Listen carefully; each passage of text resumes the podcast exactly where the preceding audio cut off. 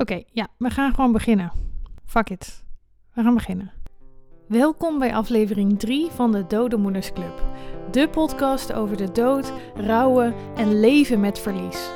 Onderwerpen die we in het dagelijks leven het liefst vermijden, maar waar we uiteindelijk allemaal mee te maken krijgen.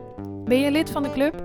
Allereerst, sorry, ik weet dat dit niet de tofste club is om bij te horen, maar ik hoop je met deze podcast een fijne plek te geven om je even terug te trekken, herkenning te vinden, te lachen, te huilen en je vooral te inspireren om alsnog alles uit het leven te halen. Rouwen is eenzaam, dus laten we het vooral gezellig samen doen. Geen lid van de club? Nou, prijs jezelf gelukkig. Maar ook jij kunt je laten inspireren door deze podcast. De ene week ben ik met gast en de andere week zonder. En vandaag zit ik helemaal in mijn uppie op de bank om samen met jou de diepte in te gaan. In deze aflevering ga ik het met je hebben over de eerste keer. Let's talk about death, baby. Let's talk about loss and grief. Let's talk about all the feelings and the struggles death can bring. Let's talk about death, baby. Let's talk about loss and grief. Let's talk about all the feelings and the struggles death can bring. Let's talk about death. Wat is het toch heerlijk om iets voor het eerst te doen. Opnieuw en op ongebaande paden lopen, niet wetende wat er gaat komen. Ja, ik hou echt van die spanning en die nieuwsgierigheid rondom de eerste keer. En ja, ik weet dat jullie waarschijnlijk aan iets anders denken als ik het heb over de eerste keer. Is niet helemaal een thema wat past in deze podcastreeks. Zou ik het ook best over willen hebben. Is natuurlijk ook een onderdeel van eerste keren. Maar ik wil het in deze podcast hebben over eerste keer in een iets bredere zin van het woord. Ik bedoel bijvoorbeeld de eerste keer naar school, de eerste keer diploma-uitreiking, de eerste keer alleen op reis of de eerste keer met je vriend op vakantie, de eerste keer naar de sauna of de eerste keer in een achtbaan. Eerste keren, eigenlijk groot of klein, op de een of andere manier zijn ze gewoon bijzonder. Eerste keren op de een of andere manier, groot of klein, ze zijn gewoon altijd heel erg bijzonder. Totdat ze niet meer bijzonder zijn, omdat er vele keren zijn geweest en de eerste keer steeds verder weg is. Maar die eerste keer, die nieuwe stap, die nieuwe ervaring, ja, ik vind dat echt fantastisch. Ik krijg er gewoon een beetje een adrenaline kick van om nieuwe dingen te proberen en nieuwe dingen te doen. En natuurlijk vind ik niet altijd wat ik nieuw doe ook leuk. Maar ik vind het altijd wel een kick geven dat ik gewoon weer iets nieuws heb gedaan en iets nieuws heb meegemaakt. Wat ik weer in mijn koffertje mee kan nemen voor de rest van mijn leven. En zo had ik dat ook met deze podcast. Ik heb uh, op zich ervaring als radio-dj en ik sta voor mijn werk veel voor de camera. Maar podcasten was toch een heel nieuw terrein voor mij. En ik liep al wel wat langer met het plan om rouw onder jongvolwassenen bespreekbaar te maken. Ik had ook al een half boek geschreven, die nog steeds op mijn laptop staat, zoals je misschien wel weet. Maar op een gegeven moment plopte het idee van een podcast in mijn hoofd. En toen die er eenmaal zat, kon ik hem niet meer loslaten. Ik heb informatie ingewonnen over de techniek. Ik ben een format gaan bedenken. Ik heb de branding bedacht. Ik ben interviews gaan doen, audio gaan bewerken. Ik heb me aangemeld bij Spotify, bij iTunes. Nou, alles wat je moet doen om uiteindelijk je podcast te kunnen gaan publiceren als je hem gemaakt hebt. En zo'n eerste keer een podcast live zetten is toch een memorabel moment. Iets wat je het liefst in deze met je moeder wil delen. Tenminste, dat dacht ik. Ik was namelijk vorige week uh, in het moment dat ik voor het eerst mijn podcast live ging gooien. En uh, dat is altijd een heftig moment. Als je ergens aan gewerkt hebt en je moet het live gaan gooien, mensen gaan er wat van vinden of niet van vinden. Nog erger, dat niemand er naar luistert of niemand kijkt. En ik had dus heel erg gedacht dat ik dat moment van het live gooien van mijn podcast, dat ik dat heel erg moeilijk zou gaan vinden, omdat ik mijn moeder daar niet over zou kunnen bellen. Of dat ik niet zou kunnen zeggen van, mama, hij online, ga hem luisteren, ga hem liken. Dus ik was heel erg bang voor het moment dat ik hem live ging gooien, dat er weer een vlaag rouw over me heen zou komen. Maar dat was helemaal niet. Ik had er eigenlijk helemaal geen moeite mee dat mijn moeder er niet was. Misschien ook omdat de podcast heel erg over rouw en dood en dus ook een beetje over mijn moeder gaat. Maar ik was wel heel erg bezig en dus zat heel erg in die, in die ups en downs van een creatief proces. Dat kan je soms hebben een creatief proces, uh, ik weet niet hoe je dat zelf ervaart en of je creatief bent, maar als je ooit, ooit, iets maakt en het is iets kwetsbaars wat je maakt, dan ga je bepaalde fases van creativiteit door. Bij mij ziet dat er ongeveer zo uit. In het begin vind ik mijn ideeën briljant, fantastisch. Niemand heeft ooit zo'n goed idee bedacht. Op een gegeven moment denk ik, valt toch wel mee dit idee is toch niet zo tof als ik dacht. En dan laat ik het soms liggen of dan vergeet ik het helemaal. Soms komt die spark weer terug en dan denk ik, nee, dit is toch wel iets waarmee je aan de slag moet. En dan verbeter ik het en dan werk ik het beter uit. En dan komt er zo'n moment dat ik altijd denk, wie denk jij dat je bent dat jij dit kan gaan doen? Of dat mensen dit überhaupt tof gaan vinden? Nou, daar kom je ook weer doorheen, maak je het af en het ergste moment vindt altijd plaats vlak voordat je iets de wereld ingooit. Want dan heb ik echt door heel mijn lichaam het gevoel: weet je, kap daar maar mee. Gooi het gewoon weg. Leuk dat je die interviews hebt gemaakt en gedaan. Maar hier zit toch helemaal niemand op te wachten. En al helemaal niet van jou. Want wie ben je wel niet? Dus dan heb ik altijd heel erg de neiging om te denken: oké, we gooien het in de prullenbak. Het was leuk. Door naar het volgende project. Dat is natuurlijk niet handig. Want dan zien al mijn creaties nooit het daglicht. Ik moet heel eerlijk zeggen, dat is met heel veel creaties zo. Maar ik ben toch blij dat ik deze live heb gegooid. Dus ik had minder moeite met het moment van live gooien dan ik in eerste instantie had gedacht. En daar wil ik het dus deze week over gaan hebben. Over uh, de eerste keren van dingen. Want het is best grappig. Soms kan ik heel erg opkijken tegen de eerste keer. Omdat ik verwacht dat ik het heel moeilijk ga vinden zonder mijn moeder. Maar dan heb ik er helemaal geen moeite mee uiteindelijk. En soms denk ik dat ik iets doe wat echt de normaalste zaak van de wereld is. En dan heb ik er ineens mega veel moeite mee dat mijn moeder er niet bij is. En daarom gaan wij het vandaag hebben over de eerste keer zonder je moeder. Want dat is nogal wat. Als kind heb je natuurlijk heel veel eerste keren. Want je moet alles nog leren. En heel je jeugd heb je natuurlijk mega veel eerste keren. Een eerste baan, een eerste zoen, een eerste break-up, een eerste huis. Nou, ik kan er wel even doorgaan. Je kunt er waarschijnlijk ook wel honderd bedenken. En in het begin heb je heel veel van die eerste keren. Maar naarmate je ouder wordt, worden die eerste keren steeds minder. Tenminste, ze komen minder vaak voor. Je doet als je jong bent veel meer dingen voor het eerst dan als je oud bent, want dan heb je heel veel gewoon al een keer gedaan. Dus je doet toch minder vaak nieuwe en spannende dingen. Al ben ik trouwens een groot voorstander van elke week, of in ieder geval elke maand, iets nieuws proberen of iets nieuws doen. Al is het maar iets nieuws eten wat je nog nooit hebt gegeten, of een wandelingetje maken waar je nog nooit bent geweest. Want dat zorgt er wel voor dat je gewoon lekker in je vel blijft zitten en ook het gevoel hebt dat je leeft. Ik weet niet, dat heb ik heel erg. Goede corona-tip misschien. Breek zo lekker de lockdown, zullen we maar zeggen. Doe gewoon iets nieuws elke dag. En zoek het ook in kleine dingen. Je hoeft echt niet te gaan bungee jumpen en een wereldreis te maken. Je kan ook gewoon uh, de kleur een nieuwe muur, uh, een kleur een nieuwe muur, de muur in een nieuwe kleur verven wat je nog nooit hebt gedaan. Of uh, iets, iets bakken of iets koken wat je nog nooit hebt gedaan. Of um, ga in plaats van een rondje wandelen, een rondje steppen of zo. Bedenk iets leuks. Nou, dat was even een tip tussendoor. Op een gegeven moment heb je dus een leven wat je behoorlijk tot het basisniveau, laat maar zeggen, uit hebt gespeeld. En heb je de belangrijkste eerste keren wel gehad. Totdat je moeder doodgaat. Of wie dan ook. Je vader, je broer. Het kunnen natuurlijk meer mensen zijn. Ik had op mijn twintigste een nou, lekker niveau bereikt. Veel dingen gedaan in mijn leven. Natuurlijk lagen er nog mega veel avonturen voor me. Maar ik had toch een behoorlijk deel van mijn eerste keren al wel af kunnen strepen. Ja, en toen ging mijn moeder dood. En dan ineens moet je de meest simpele eerste keren nog een keer doen.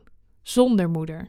En in het begin had ik het al over nieuwe dingen die je gaat doen, zoals het beginnen van een podcast, wat je zonder moeder moet doen ineens, maar waarover je niet vol enthousiasme je moeder kunt bellen. Maar misschien nog wel moeilijker zijn de eerste keren zonder moeder, waarvan je nog wel mooie herinneringen hebt met je moeder. Bij mij was dat bijvoorbeeld de eerste keer sauna zonder mama. Nou, dat, dat, dat kon ik me gewoon niet voorstellen. Want sauna was echt ons ding. Ik was uh, nou, volgens mij nog nooit met iemand anders naar de sauna geweest tot dan toe. Dus de eerste keer naar de sauna zonder mijn moeder. Ik kon het me niet eens voorstellen. En dan zijn er nog de basale dingen in het leven, waar je moeder niet per se onderdeel van was, maar die wel ineens moederloos uitgevoerd moeten worden, om het zo maar te zeggen. Moederloos en moederloos. Twee in één. Oh, en deze eerste keren, de echt de basale dingen die je voor het eerst gaat doen zonder je moeder, die deden mij echt heel erg beseffen hoe mega nutteloos de wereld kan zijn. Of kan voelen in ieder geval. Het is natuurlijk niet per se nutteloos, de wereld. Maar op zo'n moment denk je echt, waar zijn we met z'n allen mee bezig hier? Dat voelt echt heel intens. Tenminste, ik had echt een heel intens gevoel bij die momenten. Eh, bijvoorbeeld de eerste keer naar de supermarkt terwijl mijn moeder dood was. De eerste keer naar de tandarts terwijl mijn moeder dood was. De eerste keer naar school terwijl mijn moeder dood was. Die eerste keren, echt deze basale eerste keren, deden mij zo beseffen dat het gewone leven doorgaat zonder mijn moeder. En daar was ik het gewoon echt helemaal niet mee eens. Ik dacht echt, kunnen we gewoon even kappen met z'n allen? Waarom zijn jullie allemaal boodschappen aan het doen? Waar slaat dit op? Waarom moet ik naar de tandarts? Waarom zou ik überhaupt weer naar school gaan? Ik heb geen fucking moeder meer. Ik kon daar echt heel boos om worden. En ik weet nog dat ik door de supermarkt liep. Allemaal mensen om me heen. Mega druk. Tenminste, het voelde mega druk. Ik heb achteraf ook wel gedacht, misschien kwamen die momenten ook iets intenser binnen bij mij dan dat ze waren. Dus het kwam in ieder geval heel druk en hectisch over. En ik wilde echt alleen maar schreeuwen: stop met winkelen, mijn moeder is dood. Nou, heel intens om te voelen, maar uh, gelukkig, ik hoop dat dat ook voor jou is, neemt dat vrij snel af. Want die basale dingen, daar wen je dan ook wel weer heel snel aan. En ja, je moet ze toch doen. Dus ja, eerste keren zijn gewoon niet altijd makkelijk. Eerste keren zijn een beetje rauw, voelen ze weer. Het is alsof je gewoon voor het eerst weer alles opnieuw moet gaan doen, maar dan uh, weer helemaal moet gaan uitvinden hoe je je daarbij voelt zonder moeder, hoe je dat gaat doen zonder moeder. En als ik voor mezelf praat, kan ik mijn eerste keren een beetje in drie onderdelen verdelen of in drie categorieën verdelen. Ik heb eerste keren die me doen herinneren aan mijn moeder. Ik heb eerste keren die ik graag met mijn moeder had willen delen.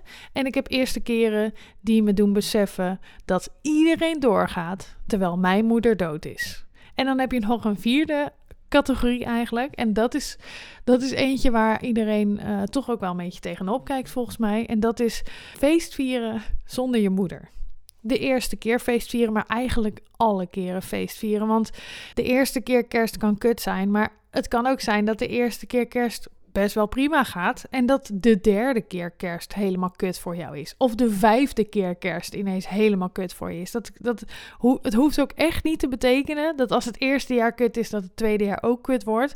Of dat als het eerste jaar goed gaat, dat het tweede jaar ook goed gaat. Want je, het is ander moment, andere tijd, andere uh, uh, staat van zijn, andere dingen meegemaakt. Dus daar kan je echt helemaal niks over zeggen, heb ik geleerd. Maar ja, feest vieren zonder je moeder, dat is wel echt een heel nieuw level van kut hoor.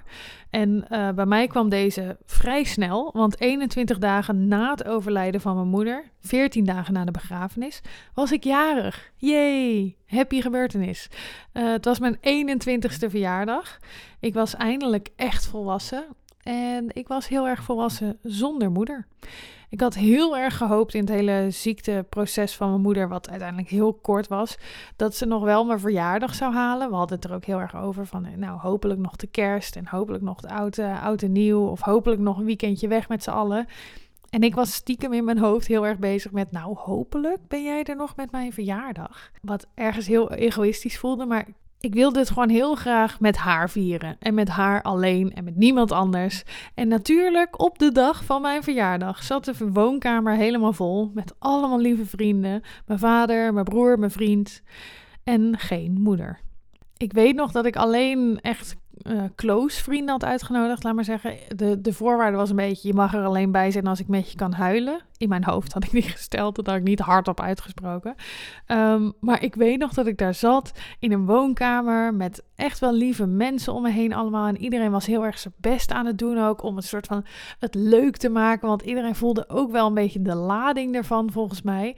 En ik dacht alleen maar rot allemaal lekker op. Ik heb hier helemaal geen zin in. Waarom zou ik uh, vrolijk gaan zitten doen? Het voelde ook heel erg als een soort van nep vrolijk gedoe. En ik dacht ook heel erg, ik hoef jullie steun niet. Al zit de hele kamer vol met mensen die van me houden. Het is gewoon niet genoeg. jullie bij elkaar houden nog niet genoeg van me zoals mijn moeder van me hield. Maar ik weet ook, als ik eraan terugdenk, dat ik af en toe heel even vergat dat ik me zo voelde. Dat ik me eh, zo kut voelde over die avond en dat ik jarig was. En dat ik me gewoon heel even af kon laten leiden door uh, ja, verhalen van anderen. Nutteloze verhalen, um, maar ja, toch verhalen. En dat was wel fijn. Heel even niet in zo'n donkere wolk zitten in je eigen hoofd, maar gewoon heel even in het luchtige leventje van iemand anders duiken. Wat mij overigens ook heel erg stoorde, want ja, op zo'n verjaardag, dan gaan mensen toch vaak dingen vertellen en een beetje anekdotes vertellen. En dan wordt er gelachen en er worden verhalen gedeeld. En het was zo kort na het overlijden van mijn moeder. En ik zat nog zo in het, het hele leven is nutteloos en uh, mega alles wegrelativeren. Dat ik bij elk verhaal dacht, waar slaat dit op? Wat een kutverhaal. Of waarom boeit dit iemand? Waarom luisteren we hier naar? Dus ik kon, ik kon er niet echt in mee. En achteraf gezien, dat zou ik je ook echt heel erg als tip mee willen geven. Achteraf gezien had ik gewoon op de helft van die verjaardag moeten zeggen: Jongens, super lief dat jullie hier zijn. En ik waardeer het dat jullie zoveel liefde geven. En dat jullie zijn gekomen om me te steunen. Maar ik zit gewoon echt niet te wachten op een feestje nu. En dat voelt helemaal niet oké. dus uh, daar is de deur. En gelukkig over de jaren heen, ik ben heel blij dat ik nu wel weer vrolijk en met heel veel plezier en liefde mijn verjaardag kan vieren en ook andere feestdagen. En ik moet heel eerlijk zeggen, feestdagen zijn nog steeds wel eens heel kut. Maar over het algemeen zijn ze nu weer wat meer oké. en kan ik er wat meer van genieten. Omdat we gewoon een nieuwe stijl hebben gevonden. Nieuwe tradities, nieuwe herinneringen hebben gemaakt zonder mijn moeder. En daar ook fijn op terug kunnen kijken. En daarom kan ik dus ook wat meer uitkijken naar oud en nieuw en kerst. En uh, de verjaardag en de sterfdag. En nou ja, ik kijk niet uit naar de sterfdag trouwens. En ook niet echt naar de verjaardag. Maar er zijn wel manieren uh, waarop ik daar beter mee om ben leren gaan. Dus dat helpt wel. Maar het blijft wel zo dat de momenten die heel fijn zijn in je leven, dat die ergens ook een beetje kut zijn. En ik ben daar gelukkig niet de enige in. Ik heb meerdere clubleden hierover gehoord dat ze het gewoon, ja, dat er, als er momenten zijn in hun leven die heel feestelijk zijn of heel mooi of echt zo'n geluksmoment, een ultiem geluksmoment, dat daar eigenlijk ook altijd wel een beetje een zwart randje omheen zit. Omdat er altijd een, een laagje van verdriet bij zit. Dat je het niet met je moeder kan delen. Of dat je uh, moeder er niet bij kan zijn. En dat is wel iets wat ik denk. Ik weet dat natuurlijk niet zeker, want ik ben nog geen 80. Maar waarvan ik wel denk dat dit zal blijven voor de rest van mijn leven. Dat alle mega vrolijke momenten, dat ik daar wel heel erg mijn moeder ga missen. En dat het, ook al is het een mega blij moment, dat ik ook wel wel gewoon verdrietig ga zijn op dat moment. En ik heb de afgelopen jaren gelukkig heel veel mooie piekmomenten meegemaakt. Heel veel blij momenten, heel veel gelukkig geweest.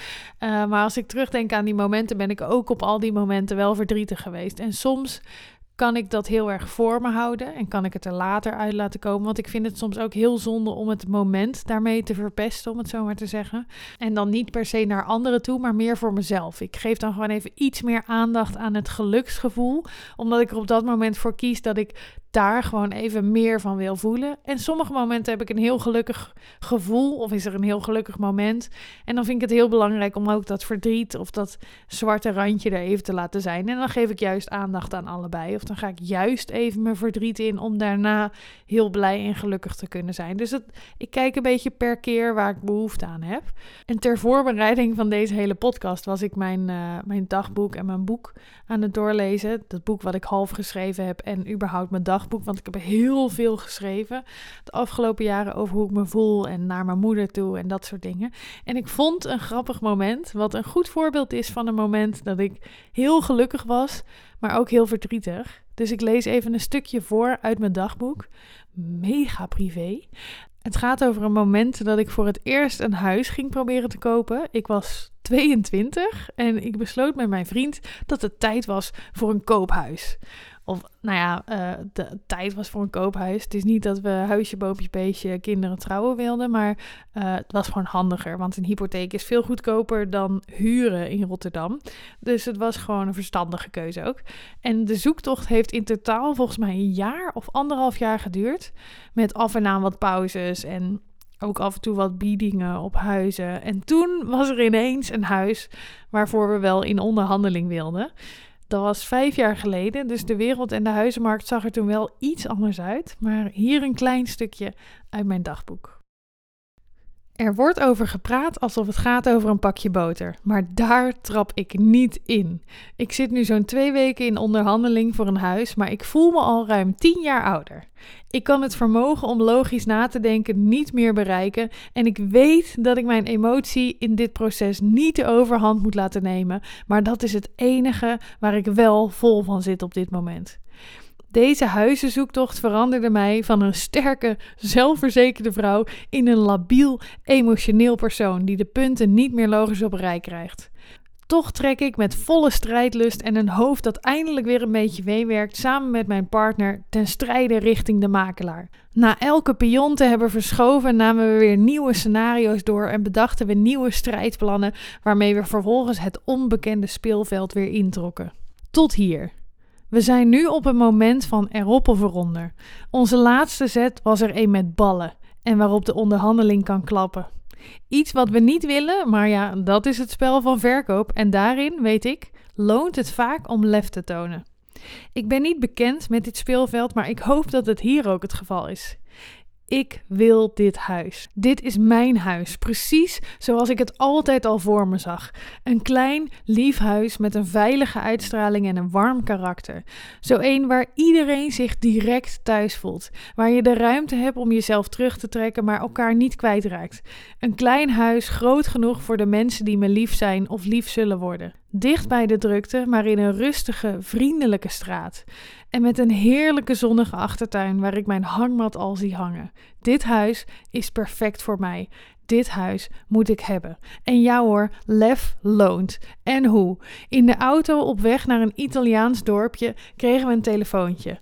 Na wat heen en weer gebel omdat de lijn wat slecht was, hoorden we eindelijk de verlossende woorden. Ze zijn akkoord. Jullie hebben het huis. En na een paar dankjewels en oh wat supers hingen we op. Totale stilte. Terwijl wij in ons huurautootje langs een klein Italiaans weggetje stonden, konden we voor een paar seconden alleen maar met verbaasde gezichten naar elkaar kijken. Ik voelde niks, totale leegte en ik kon geen woord uitbrengen. En opeens begon ik te schreeuwen. Een overweldigende uitspatting van blijdschap, hart en met aangespannen spieren en mijn mond wagenwijd open. Heel even was daar puur geluk, pure blijdschap, totdat daar de steek in mijn hart en kramp in mijn buik overheen kwamen. Mijn euforie maakte plaats voor pijn in elke porie van mijn lichaam. Verdriet, leegte en woede omdat ik dit moment nooit zal kunnen delen met de belangrijkste persoon in mijn leven, mijn moeder.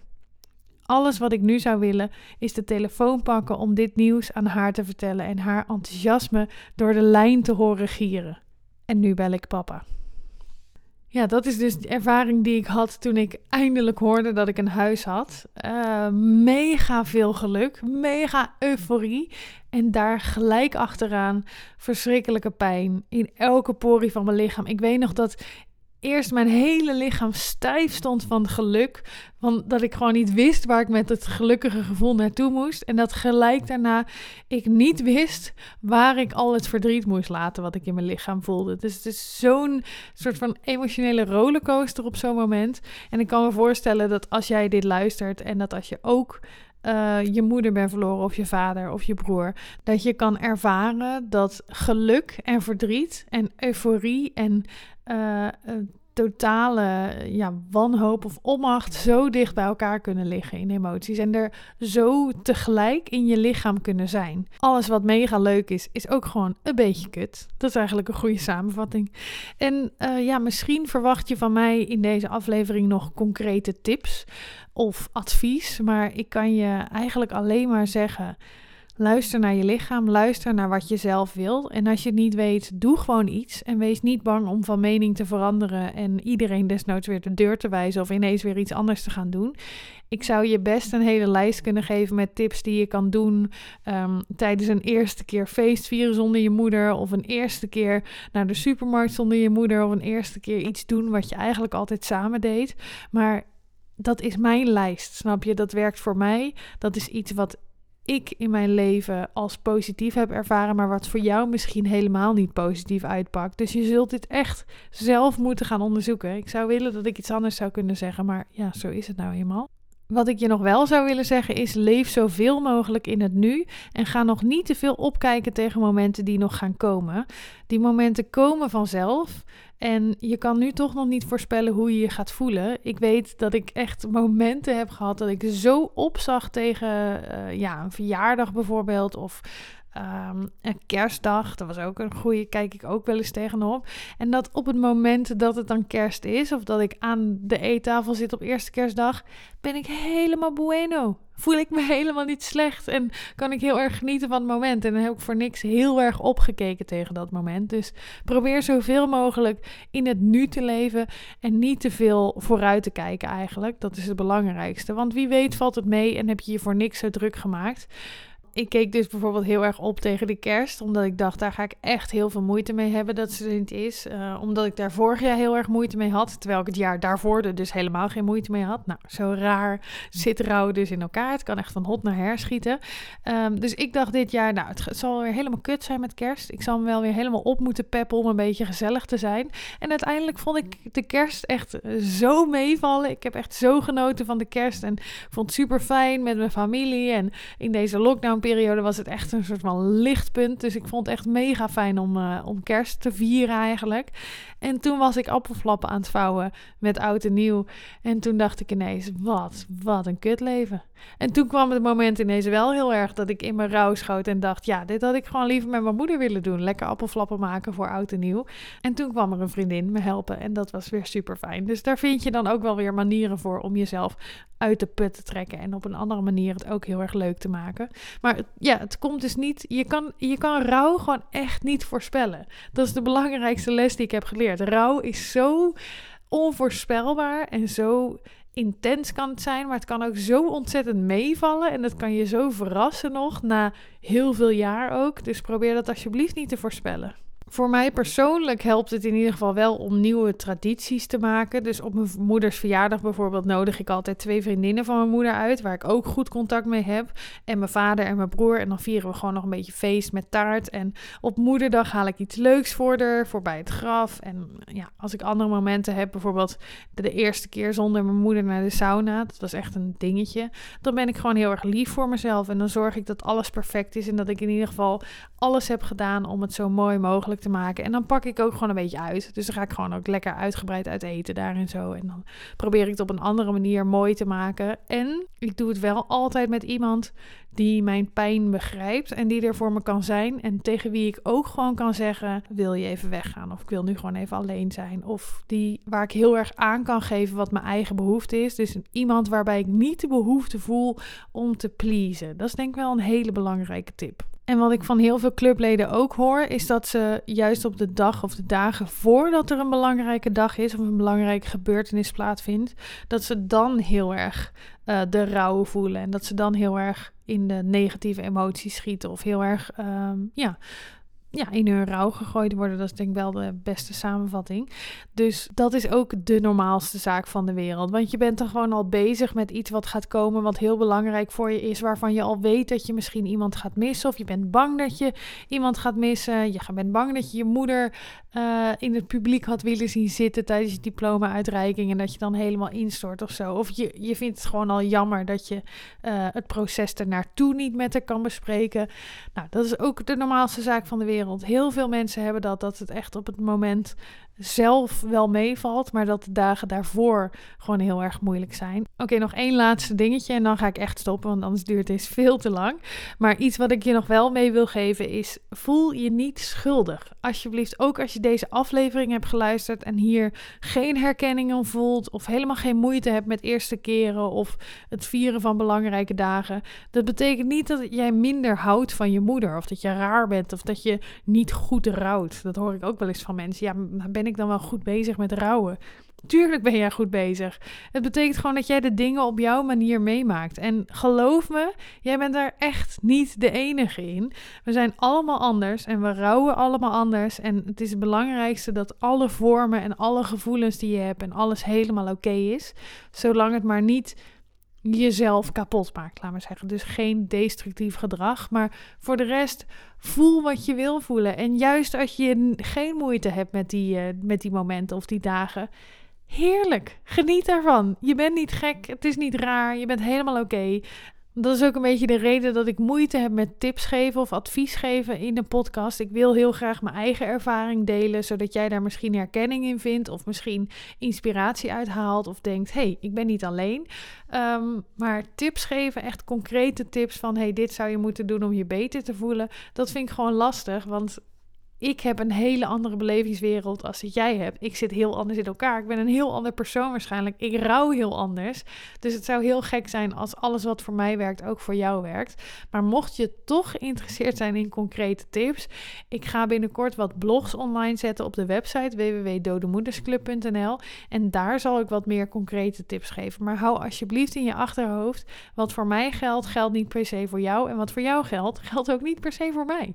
Dus voel vooral voor voor jezelf wat je fijn vindt en uh, volg je eigen rouwpad. Nou, dat klinkt heel erg uh, bijna uh, predikantachtig.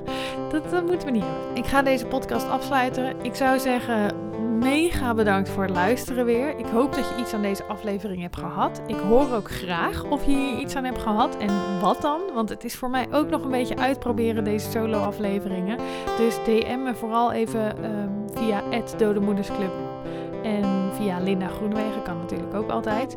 En ik hoor het natuurlijk ook graag als jij onderwerpen hebt of thema's of dingen waarover je zou willen dat ik mijn ervaring deel of praat of een podcast aanwijd. Dan zal ik daar zeker rekening mee houden. En als je het leuk vindt om meer achter de schermen te zien en om een beetje te zien welke gasten er komen en nog wat tips en persoonlijke verhalen van mij achter de schermen te horen, dan moet je even de Dode Moeders Club op Instagram gaan volgen. En dat was het voor deze keer wel weer. Ik zou zeggen, geniet van je dag, je middag, je avond, voor wanneer je dit ook luistert. En tot de volgende keer. Let's talk about death, baby. Let's talk about loss and grief. Let's talk about all the feelings and the struggles death can bring. Let's talk about death, baby. Let's talk about loss and grief. Let's talk about all the feelings and the struggles death can bring. Let's talk about death.